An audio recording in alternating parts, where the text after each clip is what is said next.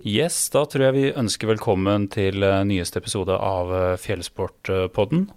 Og i dag så har jeg med meg to flotte gjester her i eh, studio, nemlig Anders og Joakim. Lurer på, Har dere lyst til å fortelle litt om dere selv? Kanskje Anders starter? Ja, mange takk for invitasjonen. Jeg heter Anders. Jeg er fra Varaldsøy ute i Hardangerfjorden. 35 år og har drevet med fjelløping siden 2017. Og ser på meg sjøl nå som en pensjonist, skråstrek livsnyter og idrettsutøver. Da. Så jeg er veldig heldig som kan bruke veldig mye tid på, på trening og konkurranser i fjelløp. Så ja, det er egentlig det jeg stort sett driver med. Du starta med løping i ganske høy alder? Eh, ja, altså jeg ser på meg sjøl som en, eh, en uh, unge i, i en litt uh, mellomalderkropp, da. Så, men jeg, jeg starta vel med løping ja, når jeg var under 30. Det var litt skifte der, for tidligere så har jeg ikke drevet med noe idrett. Jeg så jo på løpere som Eh, som er sånne tullinger som eh, bare kaster bort tiden sin og ikke hadde noe fornuftig å gjøre på. Eh, så jeg har måttet svelte noen kameler etterpå med de tidligere kompisene mine som bare ler av meg da, og forteller meg hva, hva jeg sto for tidligere. da. hva var det som gjorde at du starta med det, da? Litt forskjellige ting. Jeg, tidligere så jobba jeg veldig mye. Altså det døgnet rundt, egentlig. Så jeg fant vel ut at uh, jeg var litt lei jobbing, da. Og så så jeg det at tidligere så kunne jeg jo ete så mye kake og is jeg ville uten at det, det viste på meg. Så jeg så jo da at uh, med alderen så, så, var ikke det så, så lett lenger. Så jeg måtte liksom begynne å kanskje tenke på å trene litt. da. Uh, så, så liker jeg jo alltid likt å dreve med jakt og, og beveget meg i, i naturen. Da. Så det var liksom det som lå nærmest. Og så var det jo veldig mye motbakkeløp. Eh, det var veldig stort eh, i Norge på, på den tiden, i 2017. Så da meldte jeg meg på eh, en del løp, og da var det, det var veldig bra Det er jo veldig bra miljø i den, i den sporten. Og konkurranseinstinktet tok litt over. Da, så, så da ble det bare mer og mer konkurranser og mer og mer trening. Utrolig kult. Så Joakim, har du lyst til å gi en kort eh, intro om deg? Det kan jeg, vet du. Eh, Joakim Dokka Nordstad heter jeg. jeg. Jobber for Salomon i Norge. Har en bakgrunn fra kroppsøving i friluftsliv og idrett fra idrettshøyskolen. Og har også studert litt geografi og jobba og tatt utdanning i Forsvaret og litt enda mer friluftslivutdanning. Og nå jobber jeg da med markedsføring, som ikke har noe med det å gjøre, men det, det, det pleier som regel å gå bra. Så lært, eh, lært en god del siden jeg starta Salman i 2017. Eh, og er 34 år. Bor i Lier. Eh, ikke så mye fjell der, men veldig mye fine stier å løpe på. Og Finnemarka er jo Norges mest undervurderte perle. Helt enig, helt enig. Det er deilig kunne bruke stiene og ikke minst skispora der på, på, vinteren. Og ikke like mye folk som i Nordmarka, så det er, det er helt, helt, suverent. Skikkelig sånn kuldehull? Det er helt riktig. Hvis mm. du parkerer ved Eiksetra, så er det alltid 5-6-7-8 grader kaldere enn ellers i området. Så. Men uh, i Salmon så jobber jeg da med, med markedsføring, som sagt, og uh, har ansvar for alle terrengløpa vi sponser. Eh, eventer, eh, i og for seg sånn testing, demoer. Eh, og da Ansvarsområdet mitt der er jo da terrengløping og frikjøring og toppturer også. Så jeg da, er jeg da teamsjef for løperne som driver med terrengløping og fjelløp, som Anders. Og da frikjører og, og ja, friluftsfolk som vi også sponser. Da. Så alt inn mot eh, sponsing og og samarbeid med løp og eventer. Og egentlig en sånn multitool. Jeg hjelper jo rundt i markedsføringsteamet, som vi er en eh, Vi er faktisk oppimot elleve, men da i Norden, så vi jobber nordisk, da. Ja. Så det, er- det er veldig spennende, og jeg får brukt mye av, av interessene og hobbyene mine inn i jobb. Så det går liksom litt hånd i hånd, da. Så det, det setter jeg veldig pris på. Og jeg har ikke drevet med løping eh, aktivt. Jeg gjør det bare for, eh, for eh, mindfulnessen og å være ute. Men jeg har prøvd meg på noen konkur konkurranser, da. Så jeg veit Så jeg, jeg følte liksom jeg måtte practice as, as you preach, da. Så at du ikke eh, prater inn i et ekkokammer, og at du ikke kan stå for det du jobber med, da. Ja. jeg, og da har jeg bare blitt mer mersmak på å løpe flere løp, da. Så jeg har prøvd meg på noen, eh, noen ultra og lite grann, men eh, ja, jeg kan si vel en eh, veldig mange hakk under Anders. Men jeg kan jo skyte inn at uh, Joakim er da mister Salomon uh, i Norge, og snart uh, king of trailrunning. Ja, det var fine, Så- fine ord, Anders. Takk for det. Så hadde det ikke vært for han, så, så hadde det ikke vært mulig for meg å være fulltidsutøver. Så setter veldig pris på det. Men det er et godt poeng. Men eh, hvilke distanser er det du som regel løper, eh, Anders?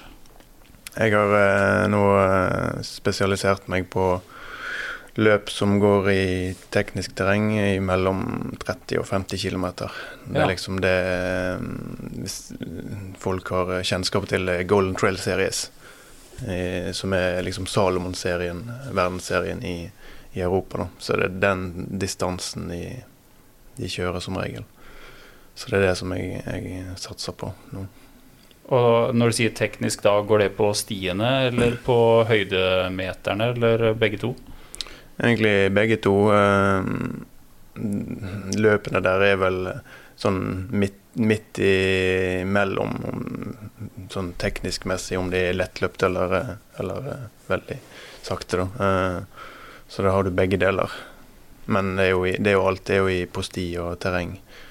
Og eh, på en maraton så er det kanskje sånn ca. 2000-2500 høydemeter, da. Så det er ganske mye opp og ned. Ja, virkelig. Hvorfor øh, ville du bli ambassadør for Salomon, da? Nei, altså Jeg har jo litt, vært litt sånn jeg begynte, da, så har jeg vært litt sånn take what you have, og bare ta på deg en T-skjorte og eh, noen gamle sko. eh. jeg begynte jo å springe Stolsen i vernestøvler og sånne ting. Oh, ja, for moro skyld. Så jeg har ikke vært sånn eh, veldig utstyrsfrik, egentlig. Men jeg Når jeg begynte med dette seriøst, og så så jeg jo det at det var mange som brukte Salomon. Og, eh, utstyret så veldig bra ut, og eh, eh, Jeg prøvde jo først å eh, snakke med Salomon internasjonalt, men så fikk jeg jo eh, kjennskap til at de hadde et nordisk team, og et team i, i Norge. da. Så da sendte jeg forespørsel til Joakim og fortalte litt om meg sjøl og hva mine ambisjoner var. Ja, Så da fikk vi til et samarbeid ganske kjapt. Det har jeg ikke angra på, for å si det mildt. fordi jeg ser jo det at eh, når du skal konkurrere på høyt nivå, så har utstyret eh, ganske mye å si. Eh, du kan ikke bare tra på deg noen sneakers og gi gass i fjellet. Det, det, du kan være kjempegodt trent, men eh, skal du liksom nå siste 10% så har jo utstyret en god del å si. Ja. Det blir vel et veldig gramjegerperspektiv innafor uh, det du holder på med, eller? Jeg har ikke tenkt sånn på det, men jeg ser jo det at eh, jeg bruker jo eh, den S-Lab-serien til Salomon eh, egentlig utelukkende. Og den serien er jo lagd for å være lett og veldig bevegelig. Og mange av de produktene er vel Gillian som har hatt en finger med i spillet nå, så det er jo vekt har jo vært den sentrale rollen der. Så absolutt. Men kunne du fortalt litt hva du har med deg på et sånt løp? Ja, det er jo litt uh, varierende. Det som setter premisset, er jo som regel eh, utstyrskravet i løpet. Eh, da kan det være hvor mange milliliter væske du må ha med deg. om du må ha jakke, regnjakke, bukse, mobiltelefon, hansker Sånn redningsteppe, alt mulig. Så det er liksom det som setter sette standarden for hva utstyr du må pakke med deg. da. Men jeg, jeg liker som regel å pakke så lett som mulig. da. Så, så sant det ikke er langt imellom stasjonene, så pleier jeg å bruke sånn løpebelte. Eller de, Salomon har en shorts som heter Sense 6. Og det er liksom shorts, og så har du et egentlig full size løpebelte som, som er sydd på shortsen. Og der har du egentlig plass til alt mulig, veldig fleksibelt, så der kan du putte ned i omtrent hva som helst. Ja, stilig. Det høres jo litt praktisk ut også for sånne som meg som løper hva da, opptil ca. 10 km. Ja, ja, da er det helt liksom. nydelig, sant? for det er så enkelt. Sant? Altså, du bare putter på deg, og da er liksom alt Du trenger ikke drive og grave bak i ryggen eller ta av deg sekken for å finne ting. Sant? Det er bare å og eh, dra det opp, og så det er liksom raskt og enkelt. Det er jo når du trener, så er jo ikke det så viktig, men eh, når du skal konkurrere, så er det veldig viktig at ting er veldig lett tilgjengelig, og at ikke du knoter og styrer på. Altså Bare å få i seg en gel, sant? det fører til at du liksom mister rytmen og blir forbiløpt. Så det å styre bak i sekken, det må bare unngå. Jeg ser for meg Joakim, at det er ganske mange timer med produktutvikling i ja, egentlig alle Salomon-produkter, men særlig den S-Lab-serien, da, som er litt uh, krem de la crème. Ja, det, det er det definitivt. Jeg, jeg er jo et stykke unna produktutvikling, men sånn som Anders og, og, de andre løperne mine gir meg ofte feedback, og den sender jeg selvfølgelig da videre til Frankrike. Um, så jeg er ikke så langt unna, men det er ikke på en måte at jeg tar noen beslutninger innafor uh, utviklinga, men vi kan alltid si feedback. Og, og er, jeg, eller jeg har vært nede på, på test- uh, og designsenteret i Annecy, og det er ekstremt mye testing og prototyper. og ja, jeg tror det er veldig veldig mange timer som ligger bak, både med materialvalg, eh, da, å ha riktig materiale på riktig plass. Altså pustende egenskaper, stretchy, eh, slitestyrke. Så definitivt mange, mange timer bak, eh, bak eh, produksjon og utvikling med prototyper. Eh, hovedtema for episoden i dag er jo litt det her med drikke på lange løpeturer og forskjellige drikkeløsninger.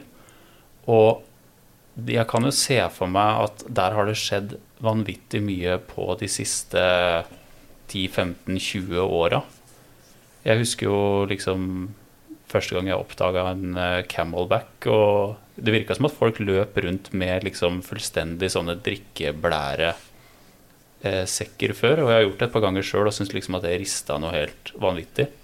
Men jeg vet ikke om du husker noe særlig av den utviklinga som har vært der, uh, Joakim? Jo, det starta vel over 20 år tilbake. Da med Salman har hele tida hatt et veldig fokus på bruke utøverne sine eh, og eh, bruke den kunnskapen de har og erfaringene, og da lage produkter ut ifra de erfaringene og, og, kunnskapen de har. da. Og eh, det var vel da Kilian Journet som var med på en måte å utvikle mye av den S-Lab-serien, som også Anders sa. At både med klær og med sko, og ikke minst da løpevesten. Så det var vel, eh, Om jeg ikke tar helt feil, så var det da den første utgaven var en, eh, en vest som Kilian brukte eh, Var det i 2003, da? Ja. Så, ja. Det er 20 år siden. Ja. Så fra da til nå så har det skjedd en del. Men det, jeg har kikka litt på bilder, og det, det, ser ganske likt ut sånn designmessig. Men de har sikkert da utvikla enda lurere løsninger og eh, kommet med flere gode patenter. da. Men uh, på en måte prinsippet er det samme, at du skal ha en vest som ikke hindrer deg i de bevegelsene og det du har lyst til å gjøre, men at heller, den sitter så godt at du ikke egentlig tenker på at du har den på. Har den på og der tror jeg vi har kommet uh, veldig langt. Og at en anatomisk bygd uh, passformen er over brystkassa. du skal ha det på en måte hardt og ikke der det er bløtvev, da, at du får vondt osv. Og, så og ikke minst med at du har både vekt foran og bak. Eh, og da er det veldig kjekt å ha tilgjengelig eh, disse softflaskene som er på brystet. Og det er veldig enkelt å drikke, og da får du også litt vekt foran, og ikke bare på ryggen. Og er, tilgjengeligheten er jo veldig, veldig viktig, som Anders nevnte i stad, med tanke på å få tak i gel eller vann eller andre ting i vesten. Da. Det er litt artig at du sier det, for i forrige episode så hadde vi en, eh, en kar her som heter Håkan, som er ryggsekkdesigner i Lundhags. Veldig flink fyr. Og han uh, sa jo også det at han skjønner jo egentlig ikke hvorfor innenfor friluftslivet at man går med all vekta bak. Han sier jo egentlig at den ideelle ryggsekken er jo nesten 50-50 foran og bak. Og der syns jeg jo kanskje sånn løpevestene slash sekkene uh, er veldig frampå, da. Bokstavelig talt. Ja. Ja. At, uh, at vekta er mye mer jevnt fordelt. Og det må vel gi veldig utslag uh, på de løpeturene som du er på, uh, Anders. Ja, altså jeg er, jeg er 100% enig. Altså, vekten bør ligge der som kroppen beveger seg minst. Sånn At ikke de driver og hopper og, og sånn. Og det, er det er jo framme. du løper i hvert fall oppover og framoverlent, så er det jo rundt magen. Sant? Og så brystet det er der liksom Hvis du løper riktig, så er- holder overkroppen seg ganske stabil. Men det er klart, får du det bak og langt ut, og så blir det jo kraftgang i arm og eh, det er jo klart eh, det er irriterende, pluss at du kanskje bruker mer energi når du må liksom flytte på, eh, på en liter vann mer enn nødvendig. Da. Så det bør egentlig plasseres der som det ligger mest mulig i ro. Sånn, vi har sikkert alle prøvd å løpe med sånn derre eh, drikkebelte laga for langrenn. Det er ikke særlig digg, altså. Det er sånn derre Det blir en sånn derre wobbly rumpetaske som flyr eh, Det kjennes ut som den flyr 30 cm opp og ned. Ja, men det, det gjør han jo òg, sant. Mm, det Og det. eh, det er ikke bare risiko for at han detter utover, men eh, du skal jo flytte den x antall tusen ganger opp og ned 30 cm, sant? så det, alt tar energi. Ja, absolutt.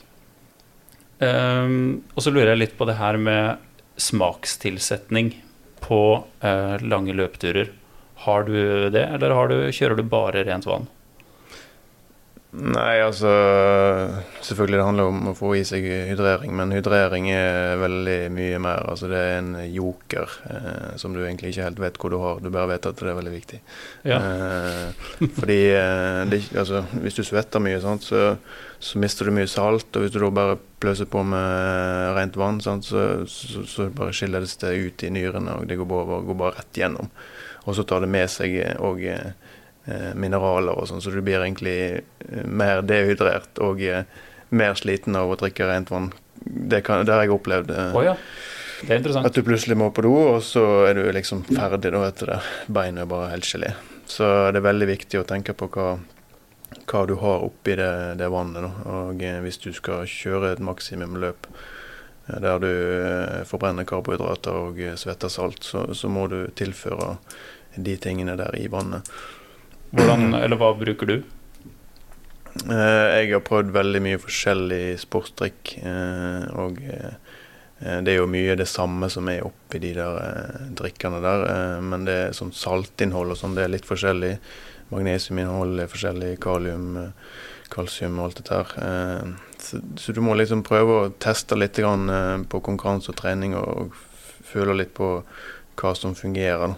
For du merker veldig stor forskjell hvis du er sliten og drikker den blandingen som du trenger, så vil du oppleve en, eh, en boost ganske raskt. Men hvis du drikker noe som er feil, så kan det eh, virke mot sin hensikt. Så, så det der eh, det, det må prøves, rett og slett. For det er så individuelt hva, hva du har av lager i kroppen i utgangspunktet, og hva du Noen svetter jo sånn at det omtrent klærne er jo helt hvite når du kommer i mål, sant? og noen svetter lite, og noen svetter bare vann. og sånt. Så det, det må testes, og det, det er utrolig viktig. Altså, jeg kan ikke få sagt hvor, hvor viktig det egentlig er. Det til lengre løpet er, og til varmere det er, til viktigere er disse her tingene å prøve å ha litt kontroll på det. Det er ikke en eh, eksakt vitenskap, men det er veldig mange feil du kan, eh, du kan gjøre med det eh, som gjelder hydreringen.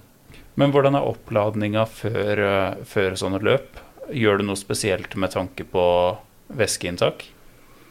Ja, altså det er jo viktig å, å holde seg eh, godt hydrert. da.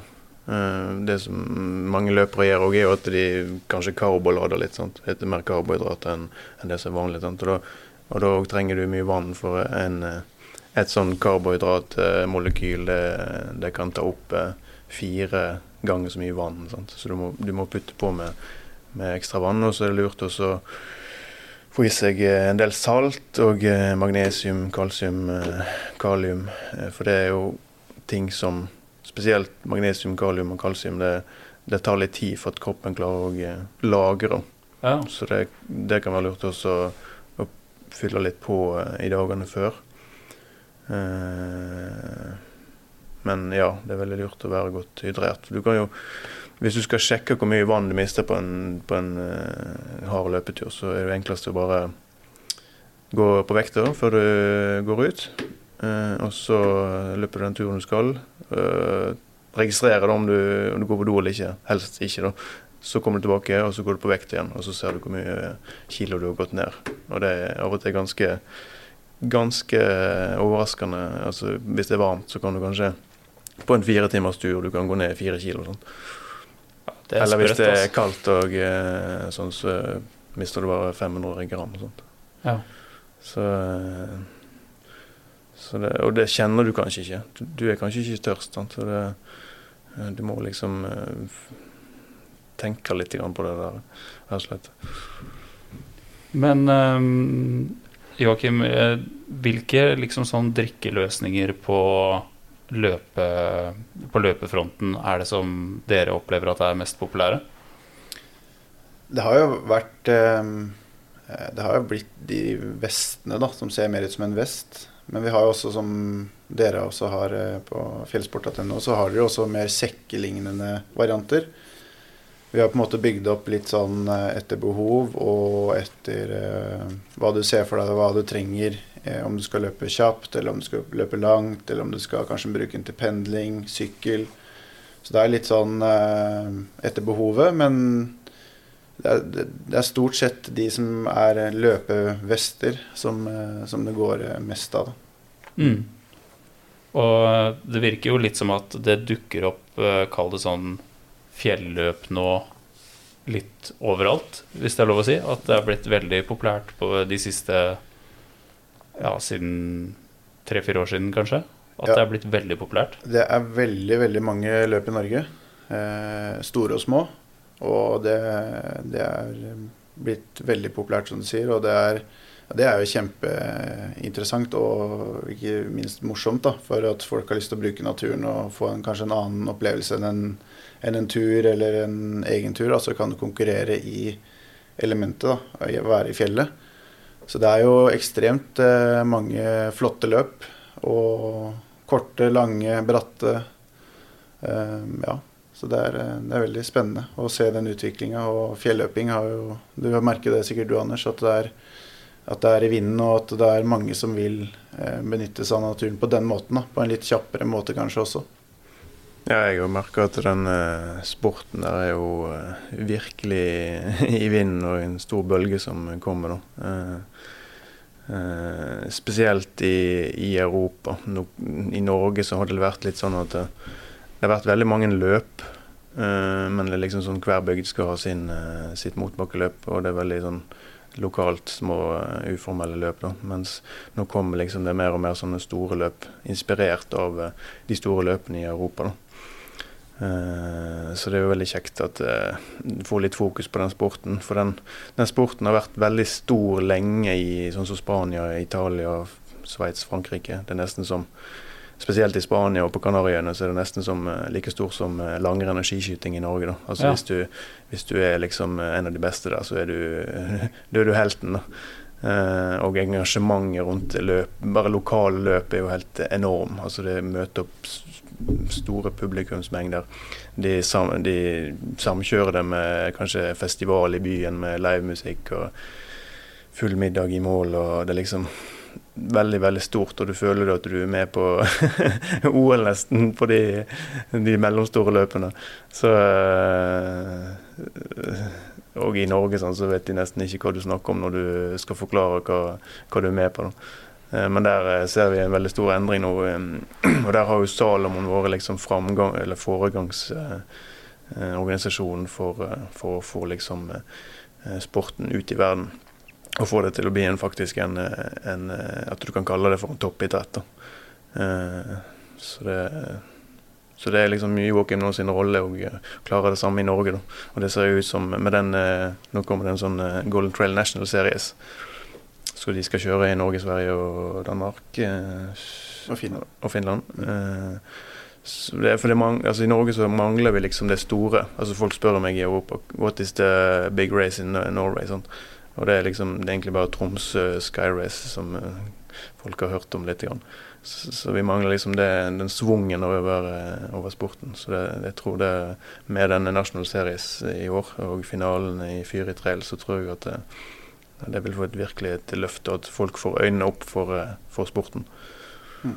Vi var jo veldig heldige å ha Golden Trail World Series i fjor da, på, på Stranda. Så Stranda Fjord Trail Race er jo og har vært et veldig stort løp lenge, så kanskje, den, kanskje det er det som er eh, en av de store, i hvert fall. Og det ble veldig spennende, som du sa, med, med den serien vi har lansert. da. Uh, vi har den Golden Trail World Series som Anders løper i. Men så har vi også da nasjonale serier uh, litt fordelt rundt om i, i de forskjellige Eh, landa. Både at landene har slått seg sammen der det er hensiktsmessig. Som f.eks. siden vi jobber på nordisk nivå, så har vi slått sammen Norge, Sverige, Danmark og Finland. Og har til sammen da sju løp med finalen, hvis ikke det er helt feil. Eller var det åtte? Eh, og da er det på en måte at man får eh, billetter til å være med til finalen. Og så kan man da i den nordiske finalen kan man da kvalifisere seg til å være med i Eh, den store finalen som er i Italia. Da.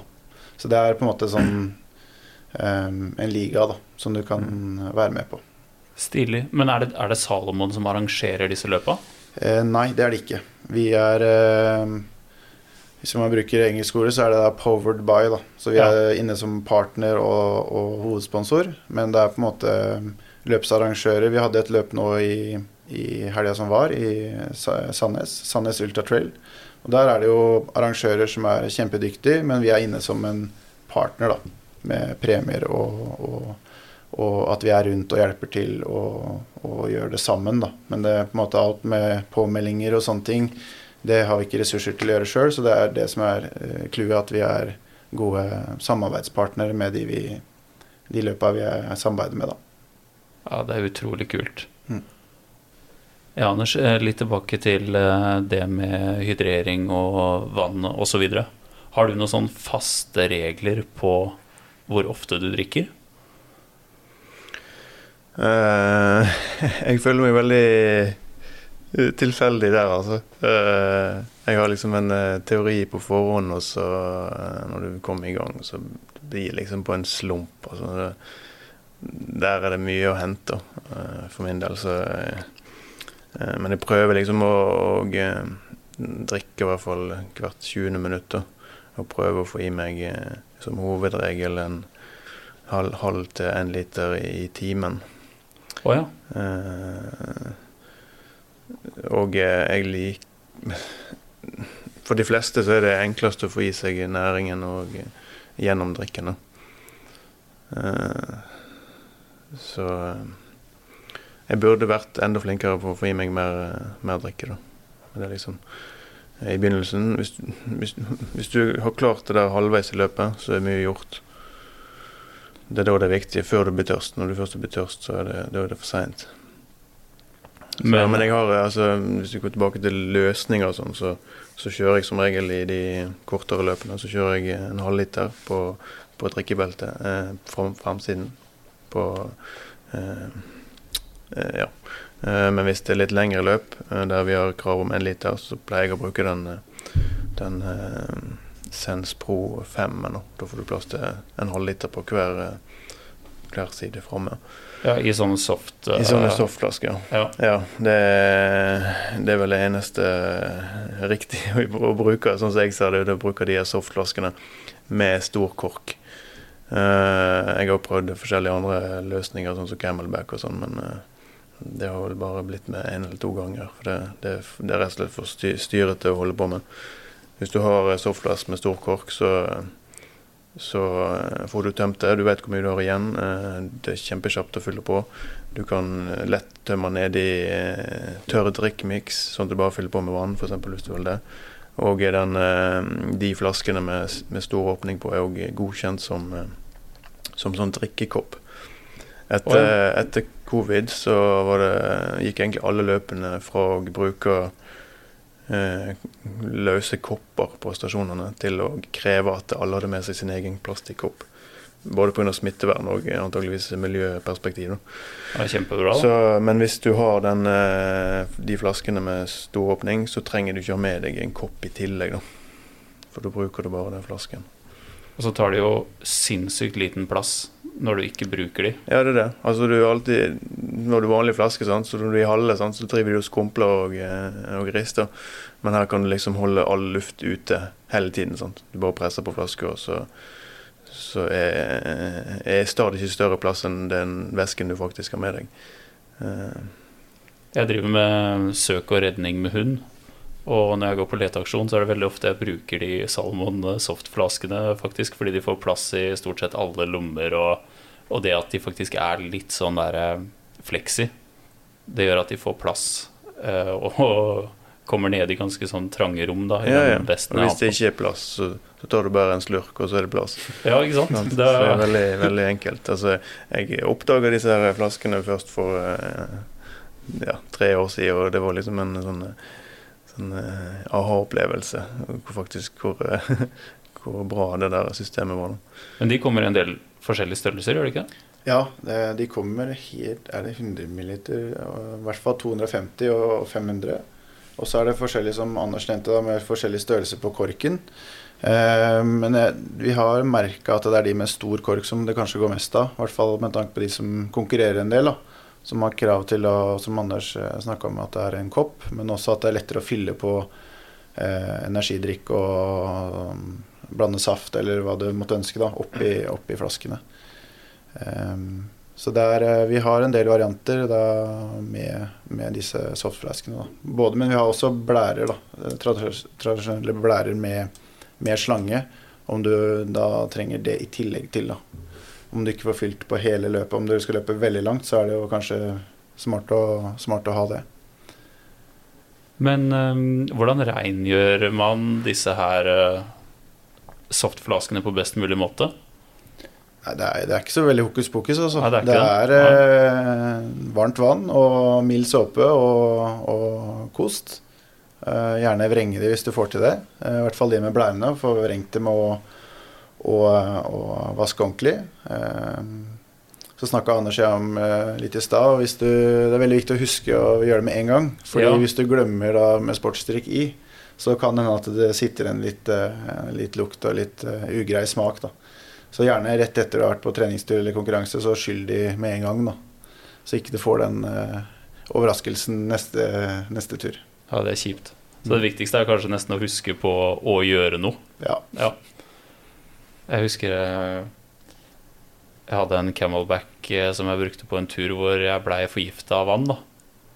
Fordi eh, det var en bekk da som jeg tror eh, både Lars Monsen og Børge Ausland hadde drikke av, liksom. Men eh, tydeligvis så lå det et eller annet oppi eh, lenger opp der da, som gjorde meg kjempesjuk. Så jeg fikk en sånn bakterie som heter campylobacter. Oi. Og det er sånn der, eh, De kaller det for sånn terrengsykkelbakterie. Fordi det er veldig vanlig med de som sykler med noen foran seg. Så okay. får de spruta opp det her fra gjørma, da. Uh, og får det i seg.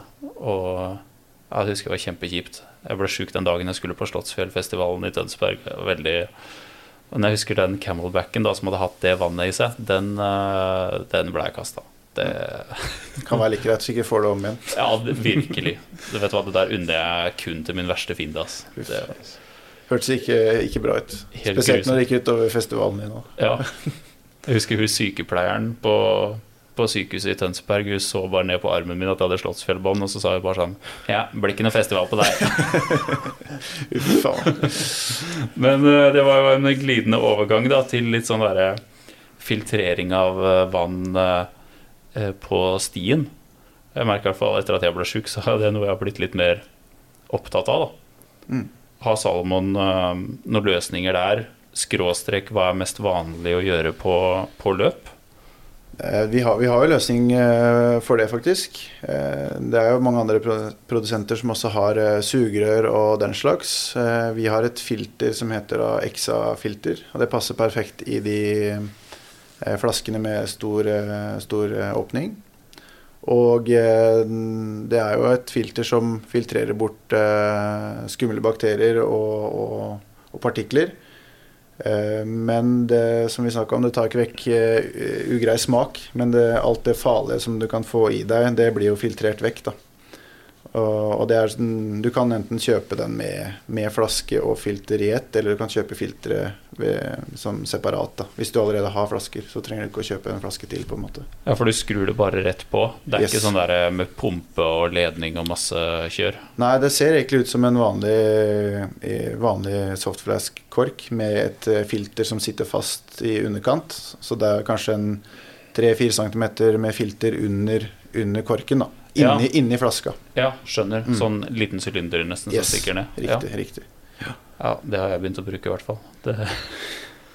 Men eh, du, du fyller på de løpa som du har på, Anders, eh, er det oftest eh, at du fyller på drikkestasjoner? At det er lite Eller tar du sjansen?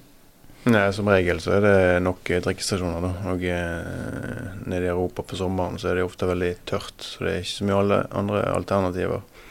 Eh, så jeg har aldri prøvd den, eh, den løsningen eh, i konkurranse, da, men jeg har hørt veldig mye bra om det fra mine løpskollegaer. da. Spesielt nå er vi veldig heldige i Norge som, der vi kan egentlig eh, drikke i de mest fleste bekker. da. Mens nede i Europa og eh, i USA sånn, så jo, kan du jo ikke det.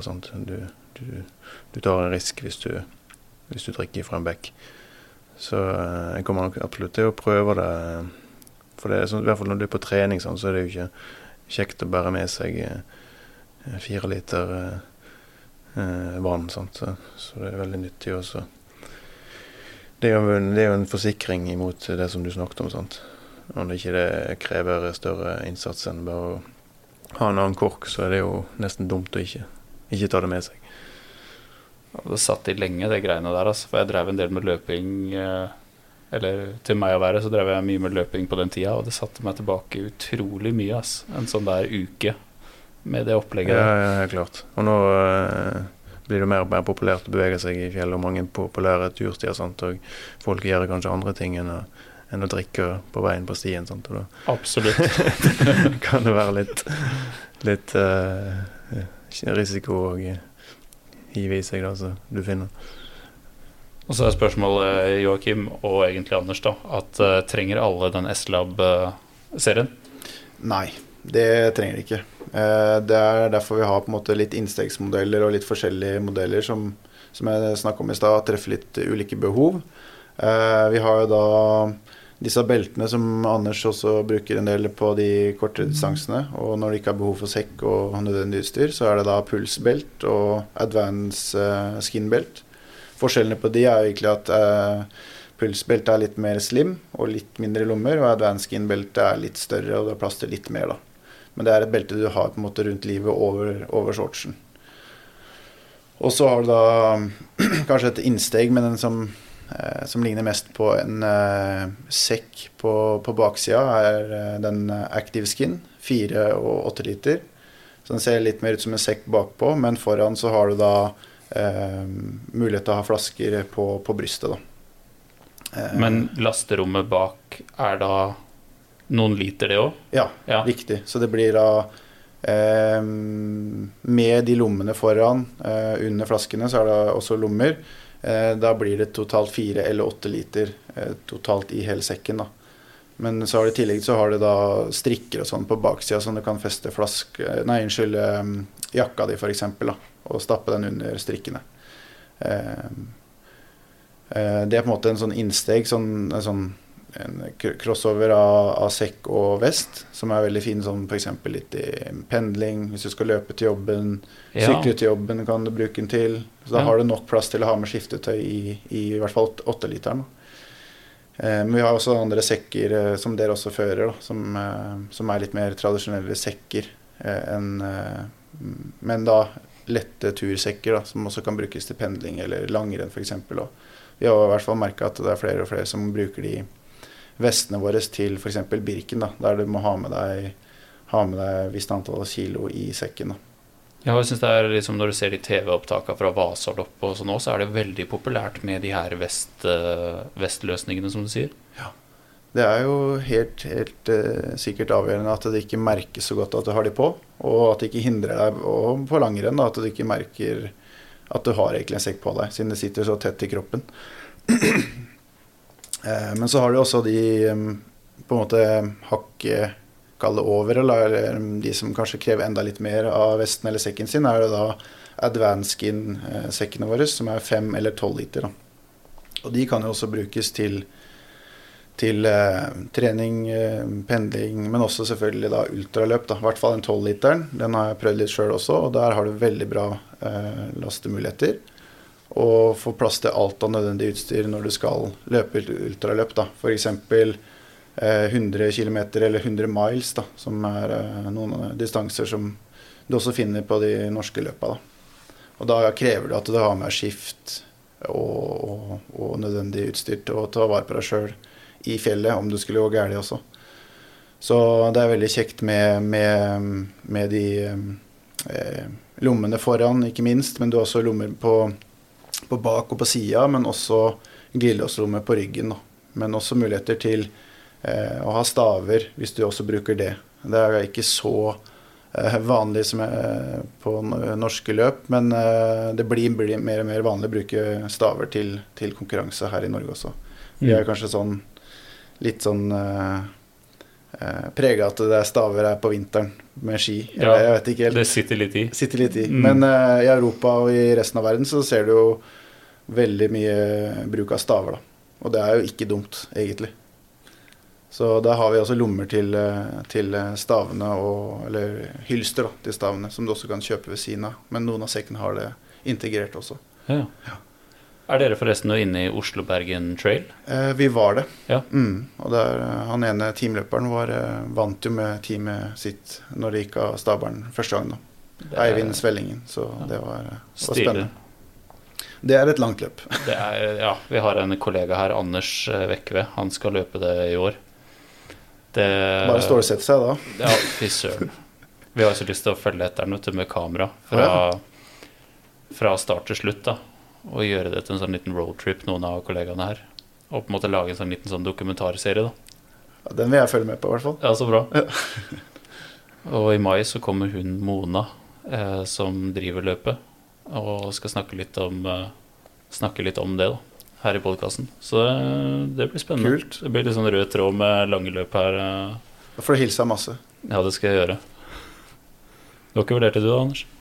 jeg har en eh, Jeg kjenner jo de som vant i fjor, da. Jeg, jeg, jeg, jeg er veldig imponert over at de faktisk har motivasjon og, og ikke bare til å starte, men òg fullføre et sånt løp i, i mygginvasjon og stiv kuling. og og varmt. Uten søvn. Jeg møtte de på Norefjell eh, da jeg var på fjelltur sjøl. Og da var det kjempevarmt og vindstille. Det er det veldig sjeldent det er oppå der. Nei, det er bare helt eh, De er liksom eh, sprengt grensene for hva som, eh, hva som skal karakterisere for et langt løp. Da. Ja. Men drikke der, da? Hva ja, har du fått noe referat der, eller? Eh, det var litt vrient å finne eh, naturlige kilder, men de, de har jo sjekkpunkter underveis. Men eh, jeg fikk litt feedback at det var ganske varmt, ja. og at det var folk som var litt på randen av dehydrering på, på Nordfjellet og det området der når de kom forbi der. Ja. Men det gikk heldigvis, heldigvis, bra. Så de må ha pakka med seg mye, da?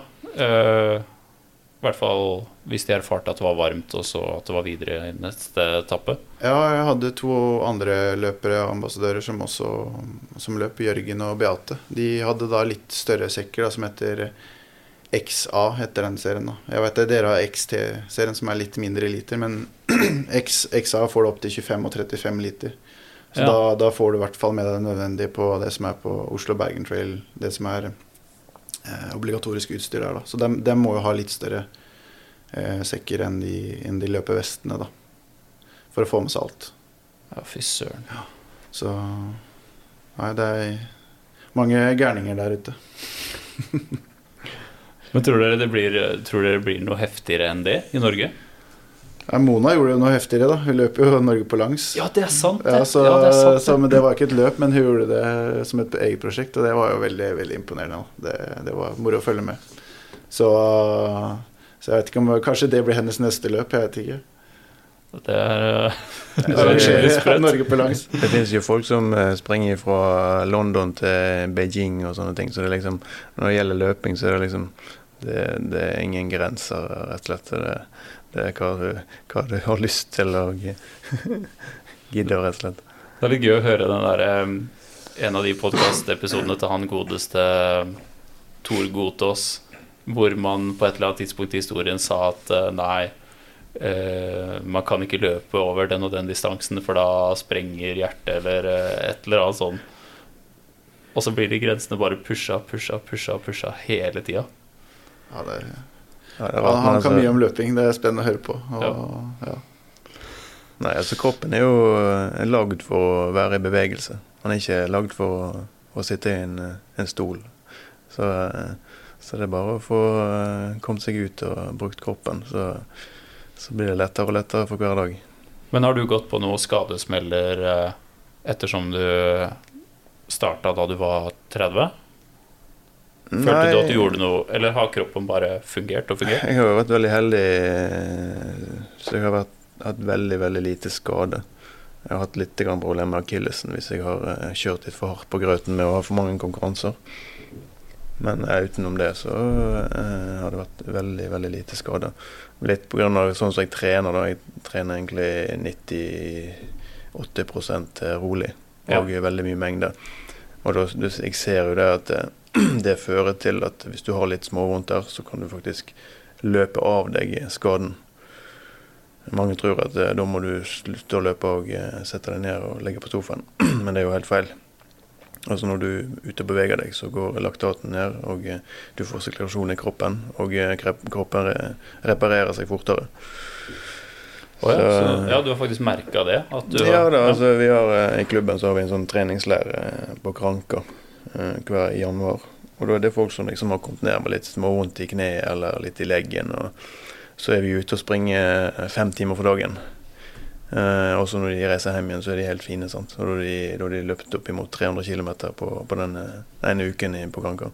Så det er bare helt utrolig at det går an. sant? Wow. Men det er det, der, det er det der berømte tempoet. Altså Folk tror at uh, skal du trene, så må du trykke på. Men det, er i hvert fall min erfaring er at det er bare tull. Altså, eh, for meg så er det som en gangetabell. Altså ti ganger én er det samme som én ganger ti. Og det er større risiko for å bli skadet hvis du kjører i øverste giret hele tiden. Det er utrolig bra. Eh, men jeg så forresten, eh, Joakim, litt sånn der Expedition Amundsen-content på Instagram-profilen din. Ja, stemmer. Var du, var du deltaker? Jeg har vært det en gang, og så har jeg dekt eh, med kamera eh, også en gang. Eh, så når jeg har litt ved sida av Salmon-jobben, så tar jeg også litt fotooppdrag og er en ivrig fotograf. Mest i naturen, da. Ikke så mye portretter og, og, den slags, men mer sånn naturbilder og, og, og sport, da. Så jeg tar jo alltid med meg kamera og ja, ting og tang på, på Salmonløpa som jeg er rundt, eller, eller, tar andre oppdrag ved siden av. Da. Så um, veldig spennende. Synd det ikke er noe mer. Eh, ja, veldig. Ja, veldig, veldig kult eh, fjellskiløp. Det var eh, artig å være med på både som fotograf, men også som deltaker. Det er veldig artig.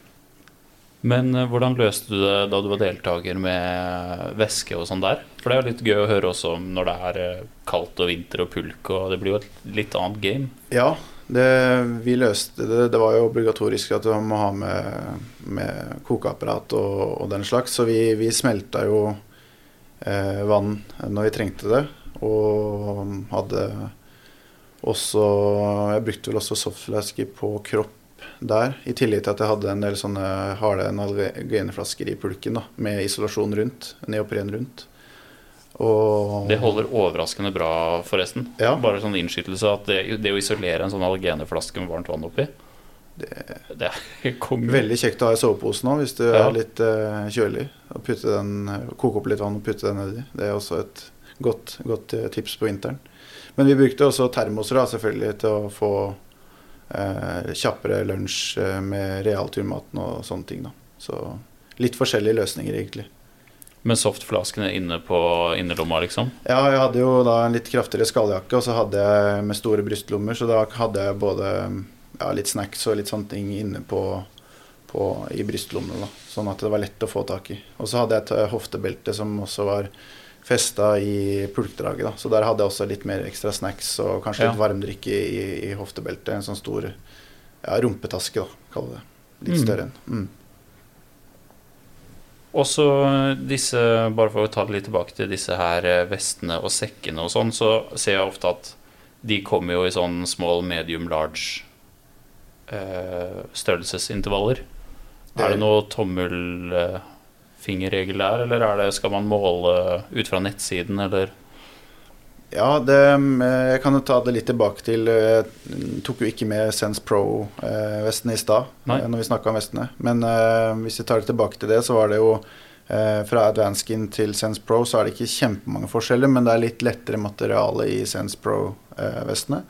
og er mer konkurransedrevent uh, produkt, da. Sånn som Anders bruker da Sense Pro 5 i sine løp, men du har også en eh, 10 liter også som du fint kan bruke på oppimot uh, 100 km. Og du har god, god lagringskapasitet i ryggen der. Med, um, og så følger det også med der det står uh, sett bak, så følger det da med flasker. Men man kan også kjøpe flasker løst også på sida deres, da. Hvis Ah. du trenger flere, da. Og hvis du har en dropbag f.eks. på et langt løp, så er det jo kjekt å ha kanskje fire til seks flasker, da, så du kan legge ut. Og så bare hive de raskt oppi hvis du ikke er så lenge på sjekkpunkt. Jeg liker å være lenge på sjekkpunkt, men Anders tror jeg ikke er så, på, så lenge på sjekkpunktet. Nei, Det kommer an på hva de har der. Av og til har de jo pizza og kaker og alt mulig, og da får du lyst til å stoppe og sånt. For du er ikke Ja. så nøye med det løpet lenger. Men eh, som regel, ja, det bør, det bør gå kjapt. Fordi, både fordi eh, du ikke skal miste tid, men eh, hvis du er litt sliten i beina og du stopper opp, så blir det jo bare verre. Sånt. Så du må bare holde deg gående. Det er rett og slett sånn arrangørfelle Ja, med å ha pizza og kaker Ja, og sånn. altså for å de- se hvem som er sterkest. De med som eh, har sett fortalt de som kommer litt lenger bak i, i, i løpet, nå, de, de har jo veldig god tid på disse her stasjonene. Sant? De ser jo på det som koldt på sånt, og fyller opp i sekken med, med masse godis og sjokolade. og Ja, ja. eh, er kommer seg nesten ikke videre. Sant? De, har løpt, eh, de har løpt mindre enn en time, og så hiver de i seg eh, 1500 kalorier sant, som de skulle ha løpt hele dagen. så det er litt artig. Men det, det er jo kjekt. da. Du har liksom noe å se fram til. eh, til det er liksom Du gleder deg til neste stasjon. da. uh, selv om du kanskje bare tar en sjokoladebit eller noe lite, så, så er det litt uh, kjekt. Ja, så er det veldig trivelig på sjekkpunkt, syns jeg. da. Veldig mange hyggelige frivillige som er uh, og støtter opp. Så jeg pleier å ta meg litt god tid. da. Ta litt uh, lapskaus eller litt sånne ting. Ja, ja, men det er lurt, det. Ja. Hvor- var vi igjen på den? Du, nå var vi på godeste størrelsesspørsmålet. Riktig. Det var eh, størrelse på vestene, ja. Der er det egentlig en tommelfingerregel på vel den størrelsen du har på overdelsplagga dine. da. Så large i løpejakke, large i vest. Ja. Det har i hvert fall funka veldig fint for meg, og, og har egentlig ikke fått noen annen feedback på at det er så mye avvik på det på, på teamløperne våre. Eh, men det er jo på en måte Om man har muligheten, så er det kjekt å, å prøve, da, hvis man kan. Vi, vi har jo en del sånn tester og sånn med butikker, og, og da kan man jo prøve både sko og vester. Så er, man kan jo prøve før man eventuelt kjøper, men en god tommelfingerregel er jo da å velge den samme størrelsen du har i T-skjorte eller jakke eller men vi har jo også da spesifikke Det er jo kjekt å nevne spesifikke vester for eh, dame og herre. Som er lagd litt forskjellig med tanke på anatomien. Da. Ja. Så det er også et eh, eh, Det er også litt lurt å huske på hvis du da er, eh, velger de unisex-vestene. Så kan det hende at du kanskje skal gå en ned hvis du er en kvinne, da. Mens hvis du er en kvinne og velger damevarianten, så er det da kanskje lettere å velge den størrelsen du er i overdel. Det kan være en grei ting å huske på når man ser at det er damespesifikke eller herrespesifikke eller slash unisex-vester. da. Men det som Ja, jeg kan skyte inn litt, er jo at de Salomon-vestene er jo ekstremt eh, fleksible. Så det egentlig, de sitter helt inntil kroppen. Selv om du har eh, eh, 20 cm gap på midten, eller om vesten er helt i sammen. Så eh, uansett så sitter de helt inntil kroppen. i livet, driver ikke og, og hopper og sånn. Så det handler litt om hvor, hvor langt ute du har lyst til å ha drikkeflasken. Om du vil ha de helt på midten eller litt ute i sidene. Ja. Så jeg har jo kjørt på meg eh, Jeg er jo litt stor i overkroppen, men jeg, small funker helt fint. ja. Men da blir det stor avstand på midten, og så får du drikkeflasken helt ute. Men det, det er det som jeg liker best. da. Mm. Så det er ikke noe sånn eh, at du må være spot on på størrelsen. Så du kan egentlig bruke alt ifra Jeg kunne sikkert brukt alt ifra small til large, eh, fordi du har sånn eh, strikk eh, på sikksakk på midten, så du egentlig bare strammer inn. Så du, du sitter vesten uansett. Uansett størrelse, nesten. Ja, og det, det er en sånn eh, liten regel vi har, da. Eller ikke regel, men en sånn huske, huskesetning er at du kan ha på en måte knyttneven mellom, eh, mellom endene av vesten. Sånn at du da, da han sitter på en måte optimalt, da, men som Anders sier, at det er litt smak og behag. Men at du kan på en måte putte en knyttneve inn mot eh, mellomgulvet. At det, vesten treffer på begge sider av knyttneven. Da. da er det på en måte riktig, riktig størrelse. Ja. Ja. L- eh, Litt tilbake til det med mm, eh, dame- og herrespesifikke produkter. S-Lab-skoa har vel vært unisex sånn tradisjonelt? Er det det fortsatt? De er det fortsatt, helt Ja. riktig. Mm. Eh, S-Lab er unisex hele veien, men så har du da den pro-linja vår. Der har du litt forskjellige varianter på lestbredde, da. S-Lab-sko er ganske smale lest eh, utgangspunktet, så derfor er det unisex. Men når du går ned på da pro-nivå, eller de som har kanskje har vært skoa som har vært S-Lab før, eh, der har vi lagd litt forskjellige typer lestbredder da, på, på herre og dame. Av at som oftest er eh, dameføttene litt slankere i front der enn en herre. Jeg er på ingen måte noen S-Lab-utøver, men eh, de beste løpeskoene jeg har hatt noen gang, det var S-Lab Ultrasense Ultra Sense.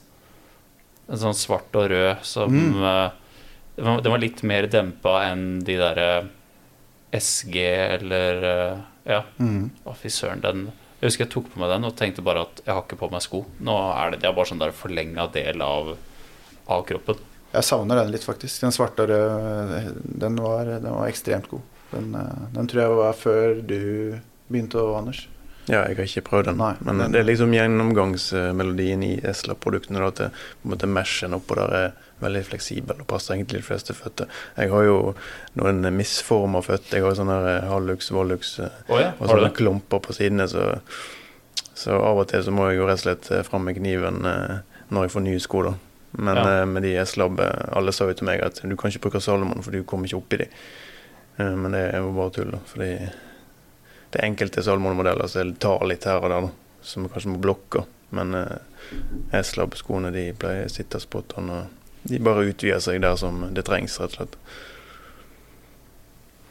Ja, Nei, men eh, jeg tror eh, vi rett og slett eh, runder av på det. Det har vært mye Salomon-skryt, men eh, det er jo ikke uten grunn. Det er jo fordi i hvert fall sitter en utøver her og en som jobber der, og en eh, bak miksebord her som er veldig fan. Men eh, det er jo ikke noe tvil om at dere er eh, ledende innafor det her eh, segmentet, da. Så Og det er jo et segment mange vil inn i. Det er jo mange merker om dagen som lanserer trail eh, running, men eh, Det kommer Det er- veldig mange eh, kan si, pro-team eh, nå. Eh, det er kommet veldig mange. Eh, men det er liksom Sal, altså Tidligere så var det jo bare, det var bare Salomon. Sant? Altså, det, var, det store var å komme seg inn i Salomon-team. Men nå har det kommet veldig mye konkurrenter. Det er jo, det er jo kjempebra. Altså Nå er det mulig for, eh, for utøvere faktisk leve av, av dette på fulltid. ja, det er fantastisk. Og det er jo takket være eh, mye Salomon, fordi de har liksom eh, Ikke bare produktene, men altså de har, de har liksom prøvd å få, få trailrunning eh, til blir stort. da. Og det har de jo absolutt klart. Det er viktig den jobben dere gjør med de løpa. Jo, det er hyggelig å høre. Vi, Ja. vi syns det, vi syns det er viktig sjøl, og, og at vi syns, syns der ute, men ikke eh, ikke er fraværende når, når det er løp, da, men at du er på løpet og viser og kan prate med folk, og bruk, at vi bruker ambassadørene våre og andre ansatte, at vi er på plass. da. At det viser at vi er engasjert, og at vi er interessert i, i terrengløping, fjelløping og i det hele tatt være ute. da, At vi ja, kan være med på å gi muligheten til å skape gode øyeblikk i, i naturen. Da. Det er det på en måte som er hovedmålet mitt og da egentlig Salmo sitt òg, sånn at man eh, tilrettelegger for gode opplevelser i, i friluft. Da. Og, og, det, og, det, gjør vi jo da. Vi treffer jo mye folk gjennom konkurransene, og det, det føler jeg at vi, at vi får til godt. Og, og det er veldig, veldig givende jobb da, og spennende. Men som du sa, Anders, vi merker veldig godt eh, konkurranse med veldig mange andre merkevarer som også lager eh, veldig gode terrengsko og, og utstyr. Og, men det, det, er jo egentlig bare positivt, og at vi også må, må henge i og ikke ligge bakpå. Og fortsatt lage gode eh, produkter som varer og, og som er, er konkurransedyktig mot de andre. Sånn at vi ikke hviler. Vi må fortsatt være frampå og, og lage bra, bra ting. Absolutt. Nei, da tror jeg vi runder av der, ja. Og tusen hjertelig takk for at dere tok turen eh, hit i dag. Og nå tror jeg vi skal prøve kanskje å få i oss noe lunsj, hvis dere vil være med. Det høres veldig bra ut. Jeg er et matvrak, så jeg skal Vel, veldig gjerne. Du skal vel også løpe her i, i etterpå? Jeg skal løpe fra deg fra Lier tilbake til flyplassen, så jeg trenger en god lunsj nå. Ja, så bra. Ja, men da, da sier vi at nå er det lunsj. Ha det bra. Ha det. Ha det.